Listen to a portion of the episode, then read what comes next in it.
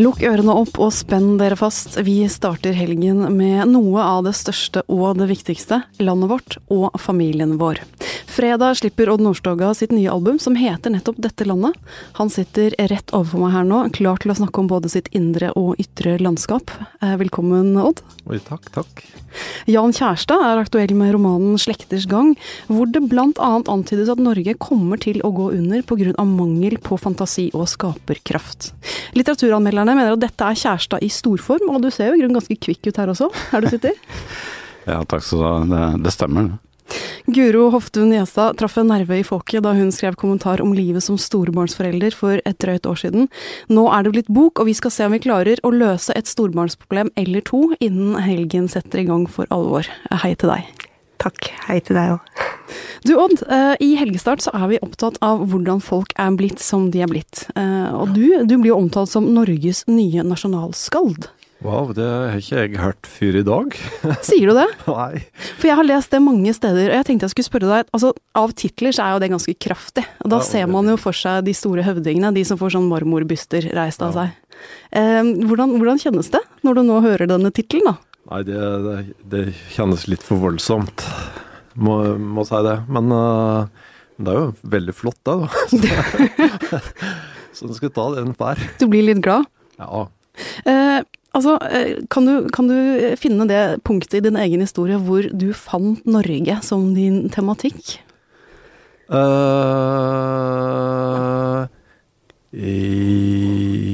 ja Et spesielt punkt. Grunnlovsjubileet. Sier du det? Ja, Det, var, det var en konkret ting. Som jeg må velge den, da. Mm. Det, var, det var liksom et oppdrag. Jeg vet ikke helt om jeg fikk det oppdraget av oppdragsgiveren, eller om det var noen andre som oppmoda meg til å skrive da, for jeg skulle synge en sang på TV. Og så ble jeg oppfordra til å lage en sang til liksom den settingen, da. Og da, da, da tenkte jeg det at det var jo vanskelig oppgave, men jeg tenkte at, uh, at, jeg, at jeg skulle prøve å lage liksom en slags en slags gi- til landet mitt, da. Mm. Og så um, Og da tenkte jeg litt tilbake til en gang eh, Jeg har ikke vært der mange ganger, men jeg har vært på besøk til Stein Westro, forfatteren Stein Westro, som jeg har jobba en del sammen med. Han skriver en del tekster til meg, da. Og så snakka vi om et eller annet, og så, så sa han Du vet at det er noe som heter En kan kanskje si at uh, det er noe som heter fedrelandskjærleik. Mm. Og så syns jeg det var så flott. Liksom, hvis du ser på det på den måten, så greier du liksom å styre unna det der, for det er så mange negative ting eh, med det der Ja, du, du har liksom nasjonalisme, og du har liksom Det er utrolig vanskelig det er et- Du skal ikke være for er glad i et landet ditt vanskelig heller? te tema, det der med fedrelandskjærleik, men det er jo noe som eh, heiter det, som du kjenner litt på. På 17. mai, eksempel, så gjengen der og så synger 'Ja, vi elsker dette landet'. Og så tenker du ikke kanskje så mye på det da, men når det derre pianist Når det går ned i dynamikk der Elsker, Da er liksom akkurat som Da renner det liksom et par liter eh, tårer ut av Norges befolkning akkurat når den der delen kommer. Mm. Og hvor kommer det fra? Og så tenkte jeg liksom rundt det, og så la jeg, så laget jeg liksom en sang om som heter 'Dette landet', da, og da tenkte jeg litt på uh, Ja, jeg jeg tenkte litt på eh, Ok, men det, sier alt, det er liksom alltid det der at vi er så rike og vi er så heldige og vi er verdens største oljeformue og bla, bla, bla, og vi er så sjølgode og alt sånt, men eh, Og det er liksom grunnen til at Oljeformuen er liksom grunnen til at vi er bra, men det er jo ikke det som gjør at vi er velfungerende, veldig flott samfunn. Må jo kunne si det at vi er, et, lever i et unikt flott samfunn. Og så, så tror jeg liksom ikke at det er av eh, penger, da. Jeg tror det ligger andre ting. Eksempel solidaritet og, og litt slik eh, likhet og brorskap på et vis. Vi er liksom, vi er liksom så små da, at vi har liksom bygd liksom det, dette landet litt sammen, og folk er fiska, og folk er gresset oppi hoga s- håga som skorter du på fjellet. Det, det er liksom det som ligger bak Det er de skuldrene vi står på, vi som lever i dag. Mm. Ja, for du, eh, Jeg hørt på teksten på låta di og ja. dette landet, og der, du synger jo veldig fint om Norge som en liten prikk imot nord. Ja. Men likevel så er det stort. Er det, er det der den storheten ligger? I det arbeidet som slekter har lagt ned for å bygge nasjonen? Ja, jeg tror iallfall eh, det er veldig Det som er veldig flott med Norge, er en ting slik som at vi, på tross av at vi har funnet masse olje, masse penger, mm. så, er, så har vi så veit en eh, uten at jeg er liksom uh, greie på det, så er det vel så at uh, det er mange land som har funnet olje, og det, det har ødelagt landet like mye. Altså rikdom kan ødelegge et land fordi at rikdommen blir liksom dela ut til noen få store, da, som da bor på et flott hus, men de må mure enn det huset med et fem meter høyt piggtråd og kappe liksom fire dobbermannhunder til å beskytte seg mot resten av bermen, liksom, da. Mm. Som står ut på utsida. Hvorfor står de på utsida og vi slår jeg i hjel, liksom, hvis jeg får sjansen? Det er fordi at det ikke er sympati for hverandre. Mm. Det er en grunn til at Det jeg har jo tenkt mye på, liksom eh, det er en grunn til at eh, en amerikansk politimann kan gange, rundt, gange bort og så heve våpen mot en, en borger av Amerika. så trekke av det. Det er jo helt galskap. Hva er det som er ført dit? Det er jo fordi at den politimannen på en eller annen måte ikke er noe stor sympati. Ikke liksom noe Kjenner ikke. Du kan ikke skyte en person som du kjenner. Mm. Så i Norge så kjenner vi hverandre, og vi har en type sånn sympati som er litt bredd utover, da?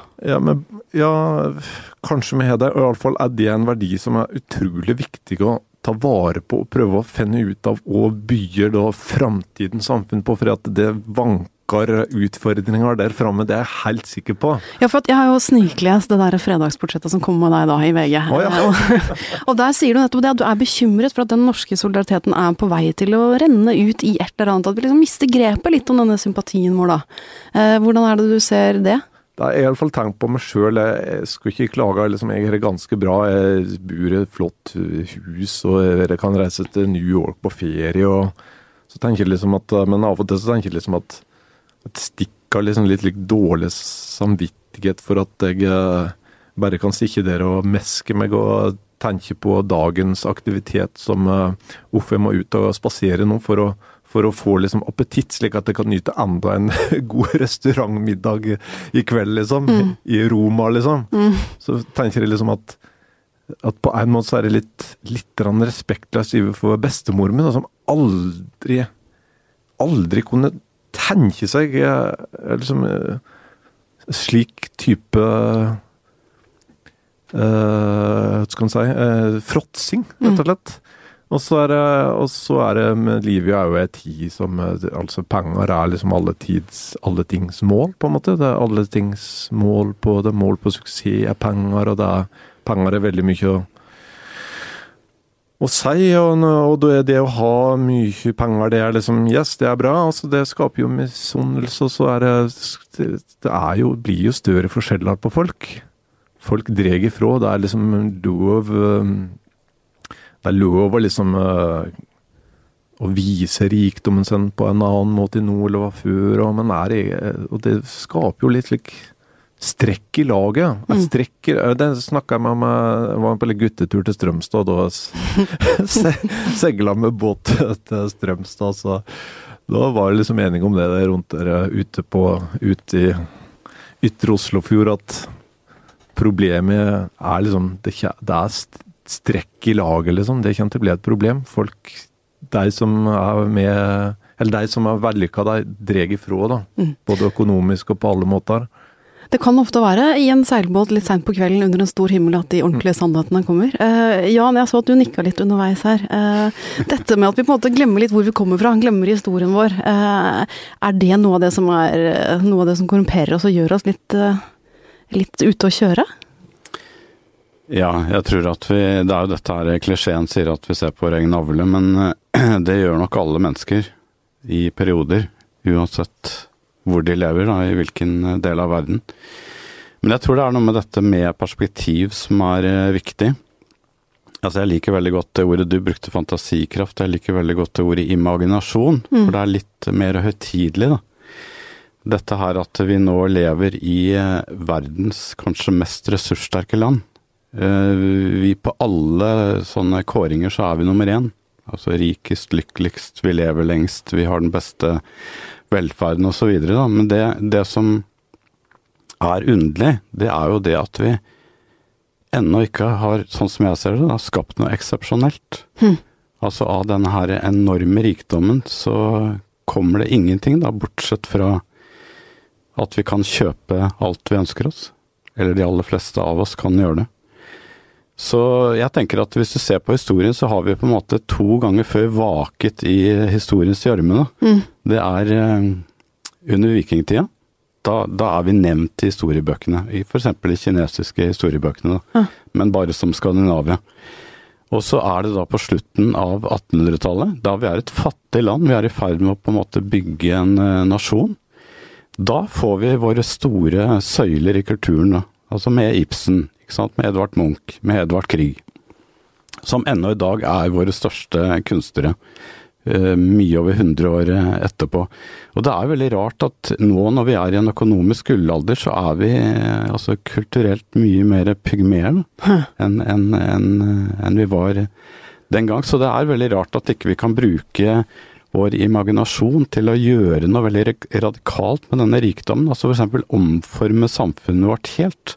Så lage et helt nytt samfunn som hele verden liksom gisper over, og tenker at uh, dette her er, er virkelig helt enestående. Du, du, altså, du, vi blir et nybyggerland. Da.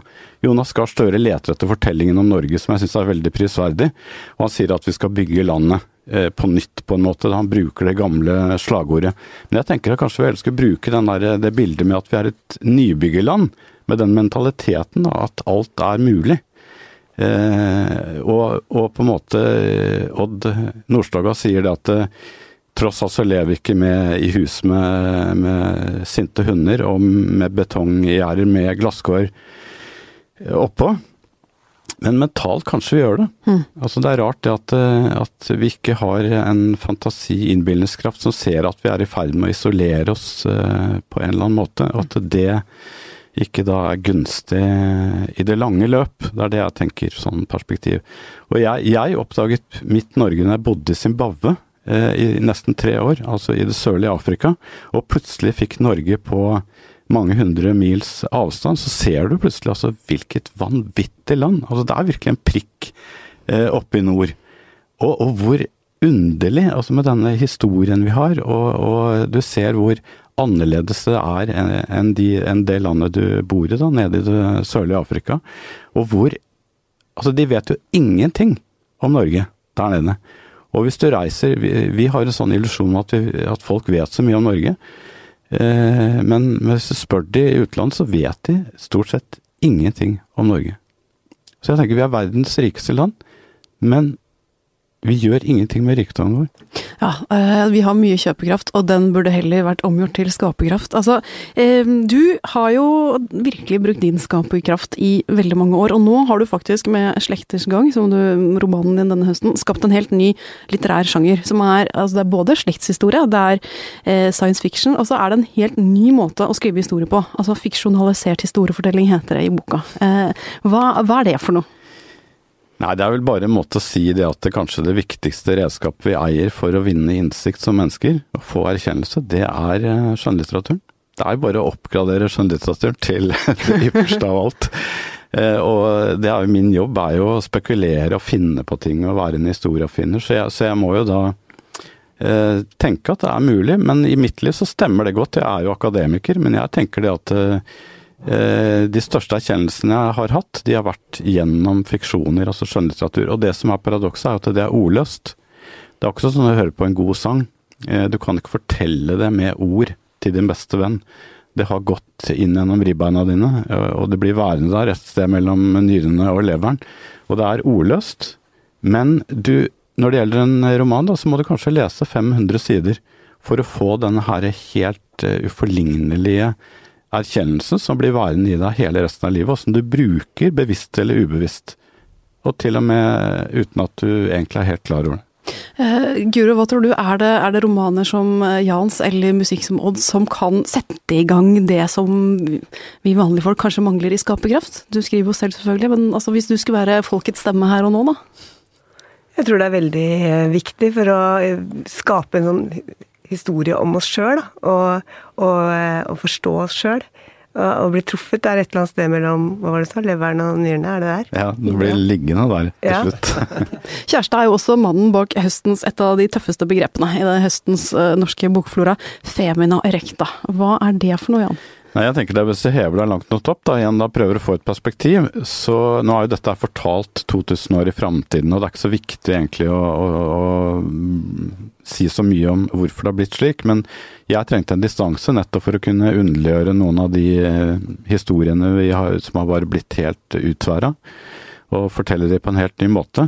Men jeg tenker også at hvis du ser det på langt, lang nok avstand, så er kanskje det der at eh, det 20. århundret, til tross for altså to verdenskriger og atombomben og eh, finansielt, eh, finansielle kriser, så er det, det er kvinnenes århundre.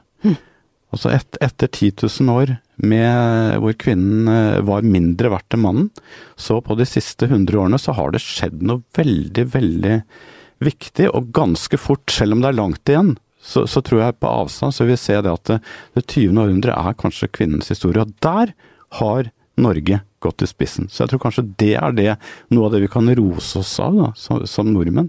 Ja, altså jeg blir rørt når jeg ser det der bildet av Gro Harlem Brundtland på Slottsplassen med den som blir kalt kvinneregjeringen, da, som er nesten halvparten kvinner. Altså For verden så var det faktisk litt eksepsjonelt. Så det, dette med en, altså en ny, ny bevissthet eh, eh, hos kvinner, og hvor langt man har kommet på forholdsvis kort tid, det syns jeg er veldig oppløftende. Og det hadde jeg veldig lyst til å eh, skrive noen eh, Finne på historier om. Mm. Blir du rørt også når Siv Jensen og Erna Solberg legger frem statsbudsjettet? Ja, men det, er, men det er, ikke sant, igjen da, så er det Hvis du hadde sagt det i 1912, at eh, om eh, litt over 100 år så kommer da statsministeren til å være kvinne, og finansministeren til å være kvinne, så vil de ha ledd seg plattfot. Altså, de hadde bare trodd det tulla. Så, så sånn sett så er det jo oppløftende. I Slekters gang så er jo blikk er et tema, eh, hvordan man ser. Eh, er det sånn at menn ofte er trangsynte og kvinner ofte er vidsynte? Kan vi si det så enkelt? Ja, hvis du setter det på spissen, så er det noe med, det er noe med hormonene våre, altså østrogen og testosteron, som gjør at det, det kan virke sånn. Men det er klart at det, alle har to sider, og det er kvinner har maskuline sider, og, og menn har feminine sider. Så vi har jo det i oss at eh, begge kjønn kan være trangsynte, og begge kjønn kan være vidsynte. Men jeg tror at sånn historisk sett, og jeg, dette krangler jo om veldig i litteraturen, om det er forskjell på mann og kvinner, om kvinner skriver annerledes. Så jeg tror det subjektivt. At det er en stor forskjell på, på menn og kvinner. Jeg tror at kvinner har en annen sensibilitet. Rett og slett en større sensibilitet. De har et, hva skal jeg, altså et videre register. Og det er mange som er dønn uenig i det, men sånn som jeg opplever det, jeg har fire døtre. eh, Og hatt noen veldig flotte kjærester, og jeg har tenkt hele tiden at jeg på en måte er den underliggende parten, samtidig som jeg føler meg sterk på, på mange andre fronter. Så vidsyn er en kvinnelig egenskap? Jeg tror den er eh, mer til stede i kvinner enn i menn. Du var inne på døtrene dine, og det passer ikke så rent dårlig. Fordi eh, Guro Hoftun Gjestad, VG Helg-reporter og forfatter, vi skal snakke om det å være mamma eller pappa og ha søvnløse netter. Eh, ikke de våkenettene som småbarnsforeldre opplever. Dette handler om storbarnforeldrenes våkenetter. Og for et drøyt år siden startet du en debatt eh, om nettopp dette, og den starta du klokka fem en morgen.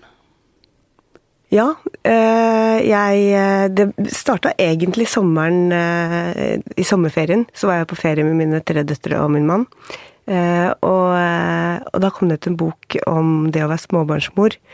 Eh, som jeg leste om. Og jeg lå på den der solsenga i Spania og leste intervjuet med forfatteren som mente at det, det fantes ikke en bok eh, som traff meg som en nybakt mor. Så tenkte jeg nei, men i all verdens land og pannekake, det er jo overalt er det jo stoff til småbarnsmødre.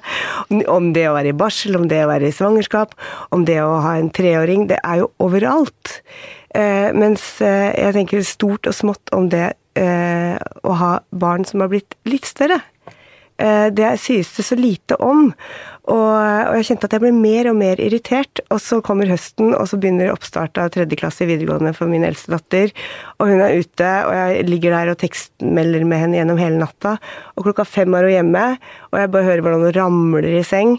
Og, og jeg er da kjempevåken og tar fra mobilen og skriver på notatappen på mobilen en lang tekst som ligner veldig på den som til slutt kom på trykk, som handler om det uh, Alle de ja, Av smått og stort, for det er ganske mange alvorlige bekymringer folk sliter med, men også veldig små. Mm. Eh, som kan virke veldig store akkurat der og da. Eh, og, så blir, og, så, og, så lurte jeg på hvorfor i all verden det var så vanskelig å snakke om det. For det følte jeg sjøl at det var. Mm. Og altså, du I den uh, kommentaren din da, som sto på trykk i VG, og som ble en av de mest delte i hele fjor, så skriver du har noen sånn arketyper av storbarn som man som forelder kan ligge våken og tenke på. Enten fordi de er ute og drikker seg dritings på fest om natta, eller fordi at uh, det kanskje er en utrolig skoleflink jente som sitter og leser til neseblodet spruter, eller det kan være en gutt som sitter bak en lukket dør og har alt sitt sosiale liv på en eller annen nettskjerm, og du vet ikke hva som foregår, der han sitter og taster med fingrene hele døgnet. Eh, nå har vært ute og møtt uh, ordentlige barn, ordentlige foreldre til boka di. Er det Hvilke barn er det vanskeligst å ha, tror du? Det tror jeg er de du har i hus. jeg, tror, jeg, tror, det blir som å spørre en småbarnsmor eh, eller småbarnsforeldre hva er verst av eh, barn som tisser i senga når de er seks år, eller de som eh, eh, våkner klokka fem. Det er, liksom, det er, det barnet du har, som er din utfordring. Mm. Eh, men, men det, det, som jeg ser preger? Foreldre har jo aldri forstått ungdommene. Sånn, det er jo en del av uh, greia.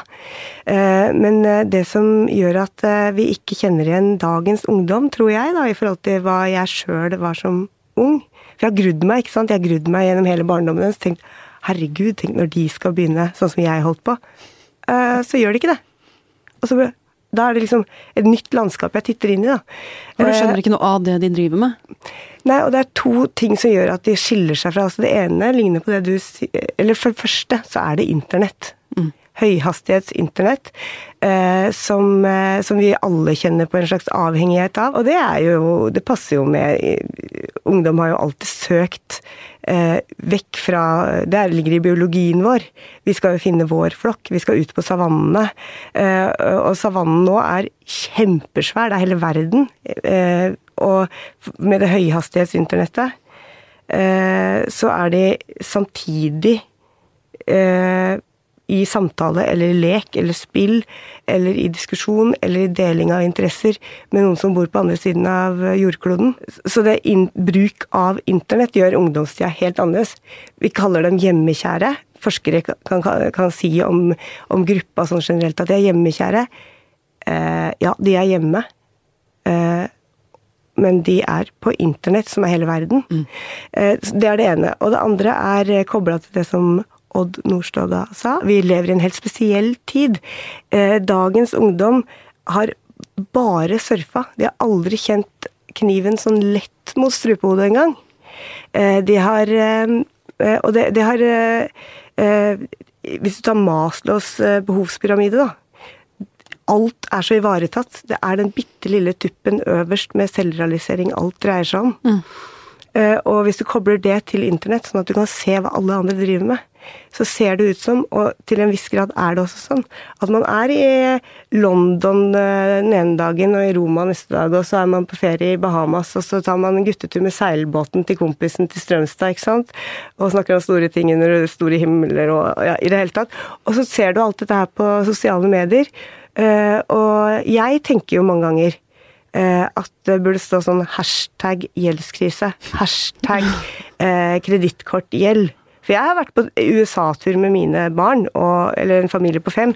Eh, det er hashtag eh, kredittkortgjeld langt utpå høsten. Mm. Eh, det er det jo. Uh, uh, og det er litt viktig. Vi er kjemperike, ja, men vi har aldri hatt så stor gjeld. Mm. Uh, Jan, du har jo fire jenter, var du inne på. og jeg har sett flere ganger at du har sagt at jenter egentlig må være mye vanskeligere enn gutter. Er det at du i hvert fall tror at det er sånn? Ja, nei, det, det, skal jeg være forsiktig med å si. Men det, det jeg tror jeg er veldig viktig som blir sagt her, det er det at det, det er flott å ta opp den problematikken. Eh, for hvis du ser, sånn som du polemiserer litt indirekte mot all den her baby førsteårene-problemene som, som, mange snakker, så er vi jo veldig tause når det gjelder eh, eh, de store barna, da. Puberteten, senpuberteten. Og det er også kanskje fordi at vi har så få svar. Det er en veldig mystisk eh, fase. Jeg har skrevet eh, flere bøker hvor jeg har brukt det. Jeg og brødrene Walker, blant annet, eh, som, eh, som både sier det at eh, altså det er noe veldig narsissistisk, men det er også potensielt en rik tid, for du, er så, du er jo aldri så åpen som i den tida. Du står i et veikryss, alt kan skje. Eh, og det glemmer vi ofte, for alle, alle sier sånn Er det en periode jeg aldri vil tilbake til, så er det senpuberteten. Eller det der kaoset når alt gikk i alle retninger og jeg ikke visste opp og ned. Eh, og så glemmer vi det at det, det var da vi dannet oss. Det var da vi ble den vi etter hvert ble. Det var da vi tok noe veldig viktig valg uten å vite om det. Da. Så tenker jeg også det at eh, vi må se også dette perspektivet, for det, det, har gått mye lengre tid enn vi tror. Så det er ikke sikkert at det er så forskjell i dag som vi tror det har vært, til tross for internett. Så jeg tror det store forskjellen gikk fra egentlig når vi gikk fra å være samlegrupper til jordbrukssamfunn for 10 000 år siden.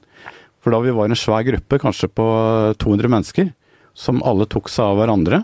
Og så fikk du plutselig en storfamilie som var mye mindre. Og så får du det borgerlige samfunn hvor du får en familie, som blir mye mindre igjen. Og så splittes familien nå, og så får du individet. Og nå er til og med individet i ferd med å bli splitta mm. til sine atomer. Så det går en sånn, nesten sånn eh, prosess. Men jeg tenker det at det, når da i alle samfunn så har vi hatt denne her ritt og passasjeproblematikken, hvor du er eh, i dette kaoset. Og så Overgangsfasen. Må, ja, ja, så må du ut i ørkenen. Og du må sette deg i en grop og være aleine med alle dine demoner og spøkelser og frykt, og sitte der og overleve. Og jeg tenker at det, da er de på internett på en måte. De surfer inni sitt eget hode med sine mareritt og skrekk og potensielle drømmer og alt det fine og alt det stygge, da, og kommer ut uh, i beste fall på beina og blitt en voksen. Da, de gjorde det på en uke, men i dag så bruker man uh, fem år på, på, den fasen. Det er kanskje det som er forskjellen, sånn som jeg ser det. Da. En del av det, eller en annen uh, effekt av vår, vårt, vår, velstand, er jo at de har mulighet til å være ungdommer så lenge. I de oldtidens samfunn så fantes jo ikke en ungdomstid. Man var barn, og så ble man kjønnsmoden. Så ble man gift. Og det er, på bygda i Bangladesh er det fortsatt sånn, ikke mm. sant? Mm. Og, og, det går jo på at vi har råd og mulighet og tid til å følge dem opp og heie på dem og dytte huska og lese oss opp på treåringen og fireåringen og femåringen og uh, Og så, da blir den løsrivingsfasen uh, litt voldsom. Den kommer kanskje seinere enn man hadde tenkt òg. Vi har jo en eh, sak på trykk i VG Helg nå på lørdag, eh, hvor vi møter noen storbarnsforeldre og noen storbarn. Og det som de barna snakker om i den saken, Guro, det er jo eh, at mamma og pappa maser. Og det er jo et tema som man som forelder kan kjenne seg igjen i. Unger syns alltid at foreldre maser. Hvor går grensen, tenker du, mellom å være en forelder, som Guro sier, som heier og engasjerer seg og mm, er med på det barna gjør, og til å vippe over og bli en masekjerring eller masegubbe? Ja, den som visste det. Jeg vet ikke, altså. Jeg syns, det er vanskelig å være foreldre. Så mye skal jeg pushe på. Jeg er liksom usikker sjøl, og så hører jeg det at uh, ungene mine kanskje he, Det er liksom ikke umusikalsk. Jeg lyst, altså vet dere at hvis de skulle lære seg å spille piano, da, så må de starte litt tidlig. Og så, og når jeg var liten, så husker jeg at moren min sa at du må øve tre kvarter hver dag. Og det husker jeg at jeg gjorde, for jeg husker iallfall at eh, når det var sommerferie, påskeferie, så var det øvingsfri, og det var fantastisk. Mm. Men jeg føler at jeg virkelig strekker det langt hvis jeg sier nå må du sitte der i et kvarter, mm. liksom. Og så, men så får jeg så Greier liksom ikke å presse på det der er jo litt mer på ski, og så var det liksom Jeg, jeg syns det var så hardt, det. Det der eh, ski, liksom. Heming, sprinterne. Mm. Uh, ikke førsteplass, for å si mildt, liksom. Jeg syns det var helt hjerteløst. Aldri meg skal jeg utsette mitt barn for noe slik. Og så um, Mens um, Og så er det der lese, lese bøker, eksempel. Det er jo lett med jenter, da. Gutt gutter eh, iallfall Ja, gutter eh, Jeg var ikke Jeg las ikke så mange bøker når jeg var liten, og jeg kjenner at mine egne barn i den problematikken, og jenter er helt automatisk. Gutter kanskje ikke så automatisk. Og så blir det liksom Skal du piske deg gjennom ei bok, da? Eller altså, skal du piske deg gjennom 'Ringenes herre', liksom? Det, det gjeng ikke. For det, det gjeng, hvis du ikke har egen motivasjon, så er det utrolig vanskelig.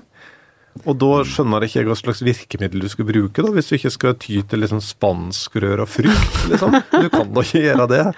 Så, men, eh, men når det er store barn, den boka skal jeg lese, for jeg må bare innrømme jeg, jeg gruer meg virkelig. altså. Ja, Du blir litt redd nå? Ja, eh, men jeg gruer meg flere år. Jeg gruer meg til det der, for at jeg, jeg, jeg husker når jeg var liten, da var søster mi på fest på Dalen. så ble hun så skulle oss ikke på med en annen hjem igjen mm. i en slik Volvo 142, ah, ja. som, så klart, som, så klart, hadde andre motiv for at systemet skulle sitte på med han, sikkert, eller sånn. Høres ikke bra ut. og så husker jeg at hun ikke kom når hun skulle, og så da kom ikke fyren noen timer etterpå, og så lå jeg vaken, for jeg gikk ikke an å sove i huset. For at da, du kan tenke deg en far på 45 som all, all, alt de spiller inni han, da. Og den derre kraften som ligger i en desperat mann som er redd for dattera si, da. Den, eh, den oh, Det var urkrefter, gitt. Eller det uh, så den, Det gruer meg så fælt for det er liksom ydmykende for meg, da. For jeg veit jeg har i meg, da. Du kommer til å ende opp der? Jeg kommer til å bli slik redd for deg. Mm. Slik på en slik mannlig voldelig måte ut av å slå folk, kanskje, men liksom slik eh, det er liksom eh, krefter der. Hvor sint har du vært, eh, Jan? jeg, har, jeg, har, vært sint, men jeg tror det har vært helt forgjeves. Og jeg, jeg, tenker etterpå at det har vært mer eller mindre flaks. At uh, nå har jeg to døtre som er uh, voksne. Og uh, altså, når alt kommer til alt, så er det kanskje det eneste du kan gjøre, er Jeg liker godt den tittelen til Erik Fossnes Hansen, 'Beretninger om beskyttelse' det, du, du, føler at du på en måte har beskyttet dem mer enn du har klart å påvirke dem. Du har, du har liksom stått klar til å ta dem imot. Men det er særlig en fase når de er store barn. Jeg tenker at det, jeg mistet egentlig begge de to når de var 17 år. I, i, det var en, kanskje ett år eller to år, så nådde jeg ikke inn til de. Rett og slett. Uansett hva jeg gjorde, så, så var de borte fra all min påvirkningskraft de var Jeg måtte nesten sitte med foldede hender og bare tenke at eh, jeg håper dette går bra. Mm. Ennå, jeg prøvde så godt jeg kunne, og heldigvis så, så, gikk det bra. Men jeg tror at alle har den en sånn fase hvor de føler at nå forsvinner de, nå, nå har jeg mista kontrollen. Mm. Og det er egentlig en veldig skummel eh, opplevelse. Hva skal man gjøre da, Guro? Skal man satse på flaksen, da? De lander på beina på et eller annet vis? Uh, først må jeg si at jeg har jo ikke de svarene, jeg heller. Jeg har jobba dypt ned i den tematikken her i et år. Uh, så har jeg ikke skrevet boka fordi at jeg har noen gode råd å komme med, dessverre. Uh, men det som jeg har skjønt, og som jeg tror det ligger litt hjelp i, da, det er at det gjelder overalt. Det er, det er, bak enhver dør og bak enhver pikerom eller gutterom så er det det, det, det er, du er ikke aleine, da, selv om du føler at du er aleine med de historiene her. Eh, og så syns jeg det er utrolig god trøst i, eh, i, det som folk sier om at det, det roer seg. Det, Man veit jo at det er eh, kaos i hodet på dem, at det, følelsene, senteret for følelser, er liksom i vill blomst, mens senteret for administrasjon kom halser etter og prøver, liksom, å, å få kontrollen. Idet man lærer å administrere, administrere følelsene, Eh, sånn rundt 25 har jeg hørt at det kommer. Eh, så, vil, så, er, så viser det seg visstnok med de aller, aller, aller fleste. Om det så er en, en uh, jente som kommer hjem med maskara og strømpebukse ned på knærne, en gutt som er helt rabiat, eller en gutt som sitter og spiser cola og kebab og er på nett, gamer med ikke sant? Eller hva nå enn det er som er problemet. Så i de aller, aller fleste tilfeller så kommer de helskinna gjennom det. Det syns jeg er så godt å vite. Det vil jeg si. Og en annen ting jeg vil si, er at de ekspertene som skal gi gode råd til store storbarnsforeldre ved å si at alt eh, dere ikke klarte før de er tolv er det noen som dere må, dere, dere må ha alt på stell før de er tolv. Jeg ble helt Det går ikke an! For vi er ferdig med de småbarn. jeg har sett sikkert 1000 foreldre eh, oppdra sine barn, og jeg har sett folk som har virkelig vært der for ungene sine. Så ikke kom og si hvis det blir trøbbel etter at de er tolv år, eh, at det, du burde ha gjort noe annerledes før de er tolv.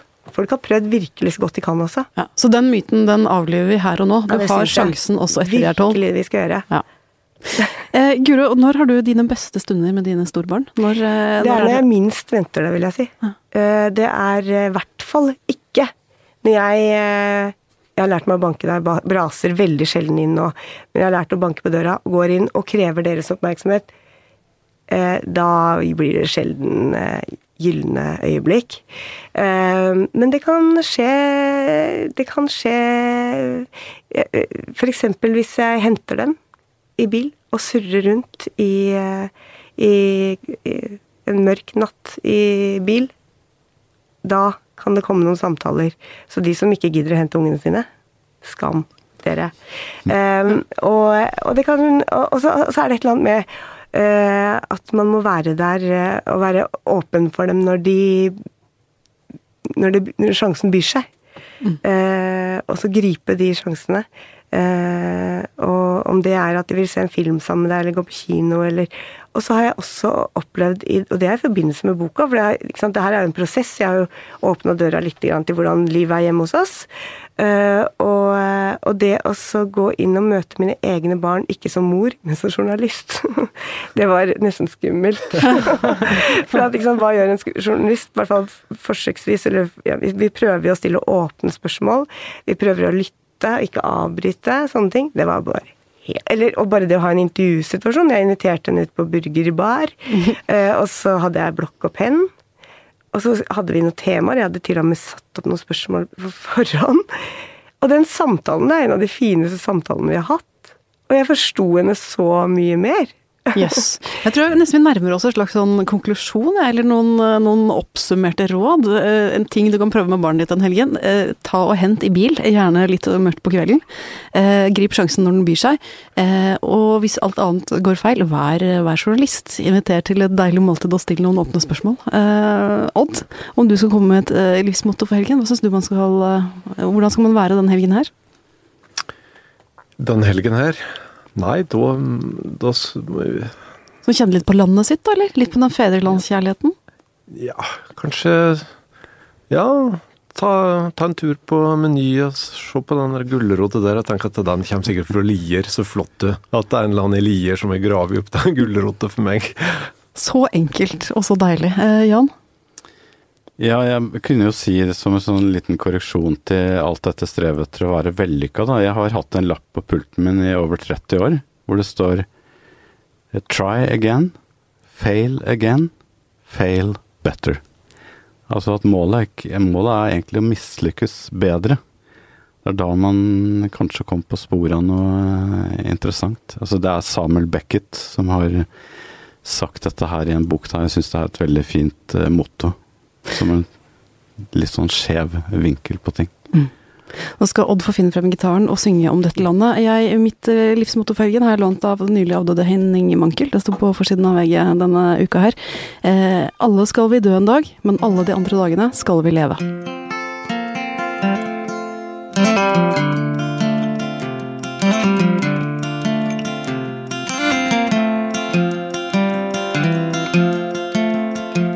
Ville bare si et ord. Jeg ville peke på et spor. Ville skru musikken ned og gi beskjed. Ville leite fram ei sak som ligger og støver neder bak. Som er sann om den er gløymd og skitna til. Ville si deg som min bror, dette landet er din mor. Ville ha det av glede og av trong. Til å prise den fine og heimlige havn, som gift og vide venjer for min sogn.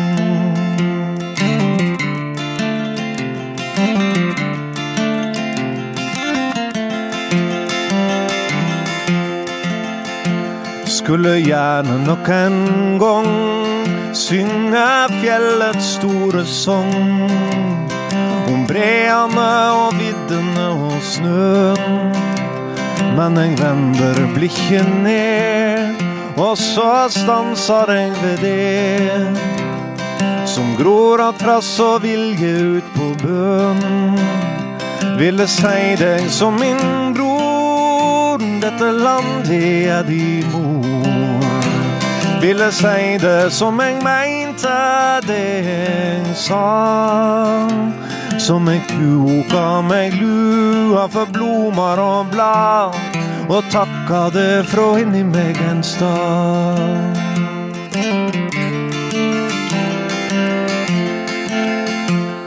Og alltid er det lite vi kan gjera, for Norge er en liten prikk i nord.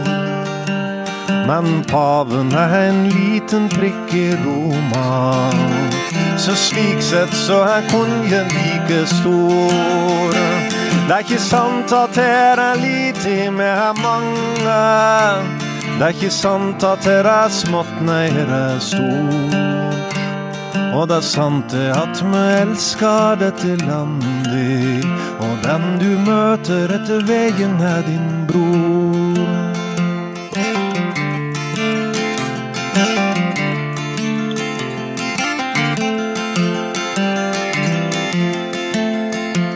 Vil en bare si et ord, jeg ville peke på et spor. Ei bønn ifra den store blå jord.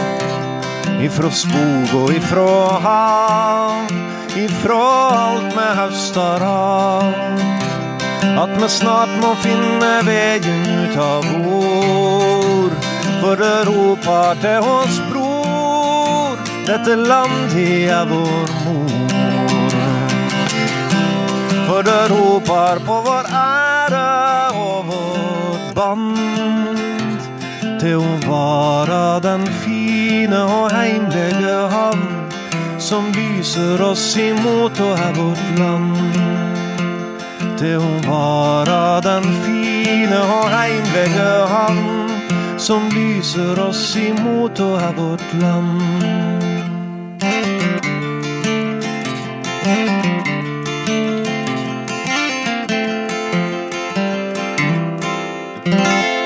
Takk for denne helgestarten. Takk også til produsent Magne Antonsen.